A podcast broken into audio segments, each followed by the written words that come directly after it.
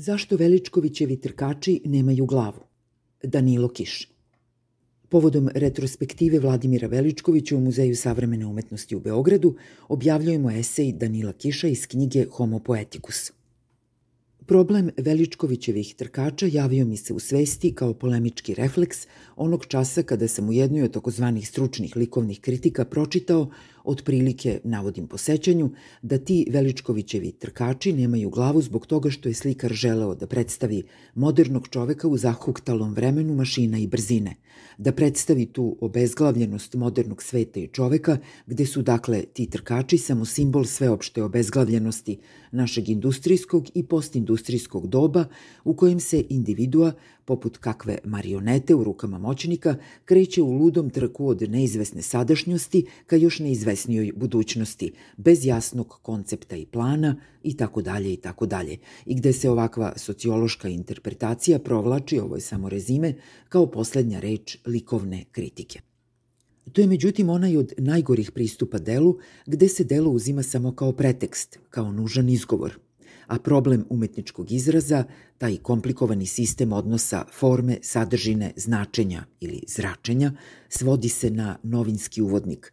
Posebnost umetničkog viđenja i egzekucije tu se redukuju na opštost bez značenja i bez veze sa delom povodom kojeg se govori – Ova vrsta fenomenološke i sociološke, sociologizirajuće interpretacije ili promašuje ili poništava svako delo koje razmatra, jer ta komotna formula čoveka našeg vremena, čoveka industrijske epohe i slično, ne govori ništa o samom delu, a ta formula, ta proizvoljna, banalizovana misao što se pokriva plaštom fenomenologije i sociologije, može se primeniti sa apsolutnom jednakošću na svako delo, bez obzira na njegovu likovnu ili formalnu, formalno-sadržinsku vrednost. Ta i takva kritika stavlja delo u stranu, govoreći opštosti, o današnjem svetu, a delo je makar koje i makar kakvo delo, samo povod dalek i neadekvatan. Te bi se opštosti o našem vremenu brzine, koje se zahuktalo već sa futuristima, i o obezglavljenosti modernog čoveka koji juri bez cilja i kompasa, futuristi su još imali taj vražji kompas, mogle međutim isto tako izreći i bilo kojim drugim povodom, pri statistici saobraćajnih udesa, na primer, i da zvuče mnogo adekvatnije i suvislije. Upravo stoga što ne vodi računa o estetičkom fenomenu i o svim implikacijama koje jedan estetički fenomen podrazumeva, ta kritika, pošto ne obavezuje, najlakše se da zloupotrebiti. Tako jedan literarni trkač olovnih nogu u toj vrsti fenomenološke kritike postaje simbol ljudskog nemira – egzistencijalnog bekstva i tako dalje, svakoj logici uprkos, mada taj egzistencijalni trkač nema ni psihičke ni fizičke predispozicije, ni umetničke motivacije za taj i takav cross country. Star i od raka bolestan čovek ne može da potrči, a još manje da postane egzistencijalni rekordmen, svakoj fenomenološkoj analizi uprkos, makar s toga što je jedna od diagnostičkih medicinskih realnosti tog i takvog bolesnika anemija i iscrpljenost. Reći dakle za Veličkovićeve trkače da su oni simbol, slika, prikaz, odraz modernog čoveka, reći samo zato što ti zahuktali trkači nemaju glavu, jeste slučajna asocijacija, proizvoljnost, koja ceo jedan prosede svodi na klišetiziranu jezičku sintagmu juri kao bez glave. A činjenica da ti trkači u Veličkovićevom likovnom izvođenju nemaju polaznu tačku, likovnu pejzažnu pozadinu, niti jasnog cilja – to jest likovnu perspektivu, pejzaž ili drugi plan, nego samo strelice neodređenih smerova i skale neizvesnih vrednovanja. Sve nam to ne daje za pravo da celu tu likovnu konstrukciju, ceo taj likovni doživljaj svedemo na čovekovu besperspektivnost. Makar nam i sam slikar rekao u nekoj izjavi da je to to, obezglavljeni čovek današnjice. Veličković ne voli da teoretizira.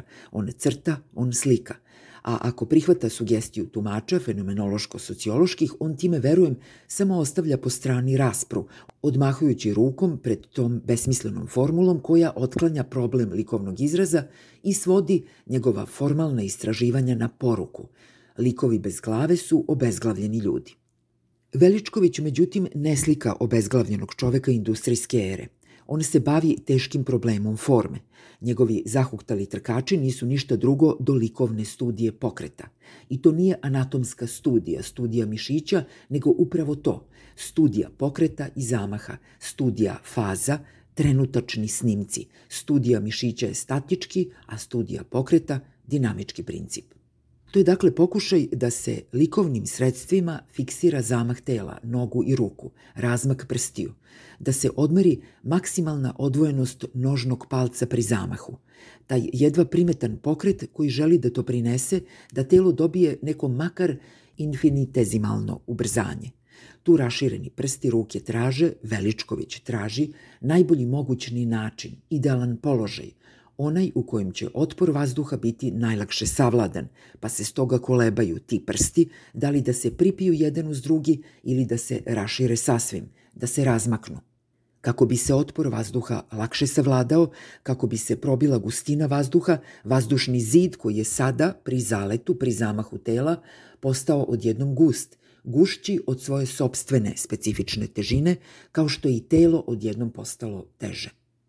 Sada bi telu bila potrebna forma ptice, zato prsti traže najbolji položaj u svakom deliću sekunde, od časa kada je ruka pozadi do onog trena kada će se naći kraj tela i uvećati telesnu masu, pa sve do onog kad ruka u zamahu ispred tela zagrabi vazduh, kao što se kaže za zadihanog čoveka, i najzad shvati da se vazduh, makoliko gust za telesnu masu, makoliko otporan, kao vetar, kao košava koja duva u lice, ne može zgrabiti šakom – Stoga prsti nastoje da se čas skupe, čas rašire, da postanu peraja, da se što bolje upotrebe kad ih je već Bog dao, kao što ih je dao plovkama u zamenu za krila, pošto je tu milost dopustila masa vode. Tako dakle, samo obrnutim putem od onog što ga prelazi evolucija barskih ptica i njihove kanđe plovci, Tako u tom Veličkovićevskom zamahu ruke trkača bi htele iz sekunde u sekund da prežive milione godina evolucije, da se transformišu, da evoluiraju, da snabdeju prste tankom membranom plovaka, kad već ne mogu da budu krila. Odatle ta mikrometamorfoza prstiju na crtežima, odatle ti palci koji se čas raskreće, čas skupe, čas stoje, što je najčešći slučaj, u nekoj hitroj nedoumici, kao da ne znaju šta je bolje za njih, za telo, za zamah, za zalet, za skok. Ta ista misao tela i udova, stopala i šaka, ta ista žestoka misao, ta nedoumica osjeća se u svakoj fazi Veličkovićevog trkača, gde je u svakoj tetivi, u svakom pokretu, ta misao refleks, taj pokušaj popravljanja a to isto traženje idealnog položaja diktira crtežu masu linija, simultanost nepreciznih, nikad fiksnih i konačnih pokreta, u preciznosti i simultanosti linija. Ispit i popravni ispit za trkača i za crtež, za svaku tetivu i u svakom trenu, za celokupnu ljudsku mašineriju. Zagledan u tu savršenu, nesavršenu ljudsku makinu, čovek stoji od renesanse do danas sa zavišću pred anatomskim čudom ptice, od Leonarda do danas. Slikari tu zavist, tu božju nepravdu, rešavaju na svoj način, tehnika na svoj. Eto šta rade Veličkovićevi trkači, eto kuda oni jure bezglavo, kuda su se usmerili, eto odakle lete.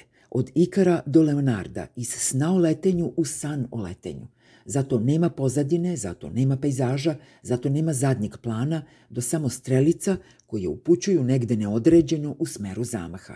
Jer ti su trkači, skakači, čista likovna abstrakcija, a ne simbol i transpozicija čoveka industrijske ere, obezglavljenog čoveka današnjice. Ne, to nije obezglavljen čovek.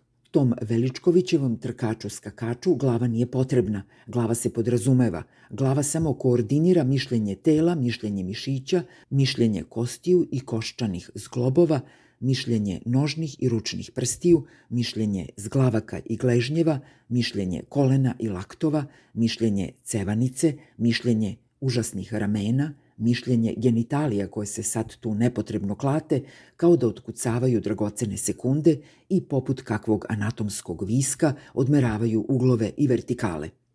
Te genitalije svedoče na način kakvog primitivnog, no efikasnog instrumenta o prisustvu zemljene teže i mere njenu privlačnu moć, a da na tom finom instrumentu kičma i kičmena moždina, koje su sad logično preuzele funkciju mozga, kao kod kakve obezglavljene žabe koja se još koprca u poslednjem refleksu zamišljenog i programiranog skoka, čitaju uvek jednu te istu formulu.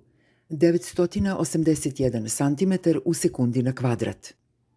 Uznemirena kazaljka polnog uda jednako podrhtava kao na nekom pomahnitelom instrumentu, čas levo, čas desno, do kraja skale na cifraniku. Ali samo u zamahu mašine, jer ta osetljiva kazaljka pokazat će u pravi čas da se zapravo nije ni pomerila sa mrtve tačke i da je zemljena teža bila fiksna tokom celog leta, da je do poremećaja instrumenta, do netipičnog ponašanja bilo došlo samo zbog nekih spoljnih činjilaca ili zbog neke unutrašnje magnetske bure, a da je taj instrument bio zapravo samo smetnja da se ljudska mašina digne za koji milimetar više – da se telo zavitla u prostor koji milimetar više, koji stoti sekund brže. Eto zašto Veličkovićevi skakači-trkači nemaju glavu. Njime glava sad nepotrebna, jer za grafičko izvođenje tog zamaha tela glava je smetnja. I upravo zato što se Veličković za svoje trkače-skakače dokumentuje trenutačnim snimcima fotoaparata i filmskim sekvencama, a to čudo zamahnutih nogu snimljenih foto i filmskim aparatom biće, kao što znamo, revolucionarni čin za modernu umetnost, on zna da je glava u drugom planu. Glava nije mišić ni tetiva, glava je izraz, njuška i grimasa, mimetizam očiju, mikrosvet ličnih mišića, no to više ne pripada istoj temi. Ta je glava predmet jednog ranijeg Veličkovićevog ciklusa, onog o velikom govorniku, o Grande Guel, gde je pak konsekventno nedostajalo telo ili je bilo svedeno na marionetu. Te glava dakle iz drugog likovnog sveta, ti mikrogrčevi, te stisnute ili izbuljene oči, ta žablja usta. Ovde je glava, za ove skakače-trkače, najveća smetnja, najveći balast iz likovnog aspekta. Glava govori o karakteru, svedoči o grču, o naporu, o odluci, ali glava nema tu svoj sobstveni pokret. Glava nema artikulacije, Nema zglobove iz glavke, uši ne mrdaju, nose se ne pokreće, glava je statična, glava je jedna kompaktna, loptasta ili jajasta masa koja se ne pokreće, koju telo nosi, trpi, koja samo slepo i pasivno sledi savršeni mehanizam tela i udova. Glava je već psihologija, glava je već fiziognomija, tip i karakter koji nas se ovde ništa ne tiču. Glava je već sociologija i fenomenologija, ali ona ovde ne igra nikakvu ulogu. Trkaču, skakaču ne gleda se u lice, oni se ne daju u krupnom planu. Oni se snimaju u totalu i pamte se po stilu, u trku, u skoku. Glava je, reko smo, samo balast, jer Veličković ovde nema nameru da izučava mikrogrimase očiju i svedenu tehniku usta, grimasu i napor, nego komplikovanu igru pokreta, pokretnih udova, njihove faze, njihovu sobstvenu dijalektiku. Glava tu, likovno gledano, nema šta da traži. Ona bi samo unela pometnju u savršenu igru i sklad pokreta, ona bi mogla samo da psihologizira, da mudruje, da se koleba, da odmerava svaki pokret, da ga prati grčenjem ličnih mišića, stiskanjem vilica, mrštenjem čela i pogledom zagledanim ka dalekom cilju ili u najboljem slučaju, najboljem iz likovnog slikarskog aspekta, da se klati levo-desno kao pri deliričnom napadu. Ali to bi već bila psihološka studija glave, karakter, portret. To je već glava koja misli, to je već sumnja u zamah, to je već zaustavljeni zamah. Veličkovićevi skakači ne bi mogli skočiti ni metar uvis kada bi imali glavu. Veličkovićevi trkači ne bi mogli potrčati ni korak kada bi počeli da misle svoju misao. Pogledajte glavu diskobola, ona ne prati zamah tela i pokret ruku. Diskobol sanjari s glavom pognutom prema grudima. Od svih antičkih skulptura, ova bi, da je dospela do nas bez glave, najmanje izgubila. Glava je njima, tim Veličkovićevim skakačima-trkačima, bila potrebna samo pred početak starta, pred početak zaleta, dok se telo koncentrisalo kako bi očuvalo telesnu temperaturu koja će se u jednom času naglo osloboditi iz mišića, kao na ventil puštena para ili kao munja intelektualne odluke. Glava je tim trkačima bila potrebna samo dotle. Dok su stajali na startu, dok je pogled odmeravao daljinu i visinu abstrakcije, dok je glava vršila predračune i pravila brze kalkulacije poput kakvog kompjutera. No u času kad je odjeknuo pucanj starterskog pištolja, glava je, taj nepotrebni balast, otpala kao da je bila od gline.